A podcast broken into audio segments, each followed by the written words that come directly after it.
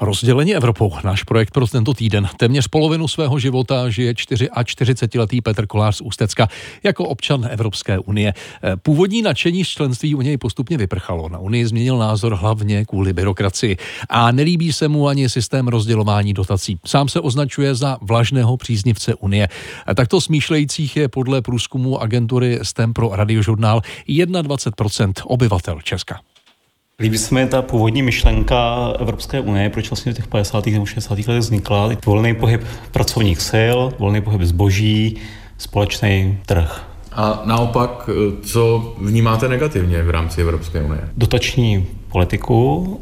Přijde mi, že se prostě dotace, které se rozdělují, které se vezmou na daních v jednotlivých státech a pak se přerozdělují do jiných států, jako nespravedlivý a samozřejmě byrokracie a řekněme jistý pokus o centralizaci moci do Bruselu. Popisuje svůj postoj k Evropské unii Petr Kolář z Ústecka mezi stavebními plány a vybavením ve své kanceláři stavební technika, ale zároveň přiznává, že právě dotace vnímá pro Česko v tuto chvíli jako výhodu. Myslím si, že Česká republika má víceméně teď v tuto chvíli benefit z toho členství v Evropské unii. Bohužel v základě těch dotací, které jsem říkal, že prostě se mi to nelíbí, ta část. Zároveň ale Petr Kolář připomíná, že Česká republika do Evropy patří, a to i na základě historie. Určitě jsem rád na nějaké, řekněme, kulturní a historické dědictví jako Evropy. 44-letý stavební technik a otec dvou dětí nevidí problém ani s případným zavedením společné evropské měny.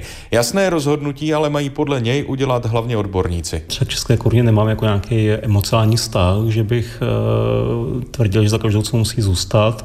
Myslím si, že to by měla odpovědět spíš jako, řekněme, politická, ekonomická, odborná veřejnost. Neutrálně se Petr Kolář staví také k možnému dalšímu rozšíření současné 27. Zároveň ale připouští odpor k možnému posílení pravomocí unijních orgánů. Co se týče jakoby, e, přijímání nových členů, tak to ano. Souhlasím s tím, aby vstoupily další země do Evropské unie, pokud splní, řekněme, nějaké standardy. Eh, určitě nesouhlasím s další jakoby, přesunem eh, řekněme, pravomocí z jednotlivých států vůči centrálnímu prostě řekněme, nějaké vládě v Bruselu. Naopak ohledně možného vystoupení z Unie je nekompromisní. Já si myslím, že vystoupení z Evropské unie by pro nás znamenalo určitě za ztrátu obrovských příležitostí v rámci, řekněme, obchodních příležitostí. Určitě by znamenalo ztrátu, řekněme, nějakého i vlivu na dění v Evropě, byť nemám nějaký velký, ale aspoň nějaký ano. A určitě nějaká izolace od ostatních prostě rozhodovacích pravomocí, eh, řekněme i v rámci nějaké imperiální snahy Ruska, aby jsme byli tomu vydáni na pospas. Vyšlo, že patříte mezi příznivce Evropské unie, i když sám se označujete jako vlažný podporovatel. Čím si myslíte, že to je způsobeno? Nevím, patří mezi příznivce.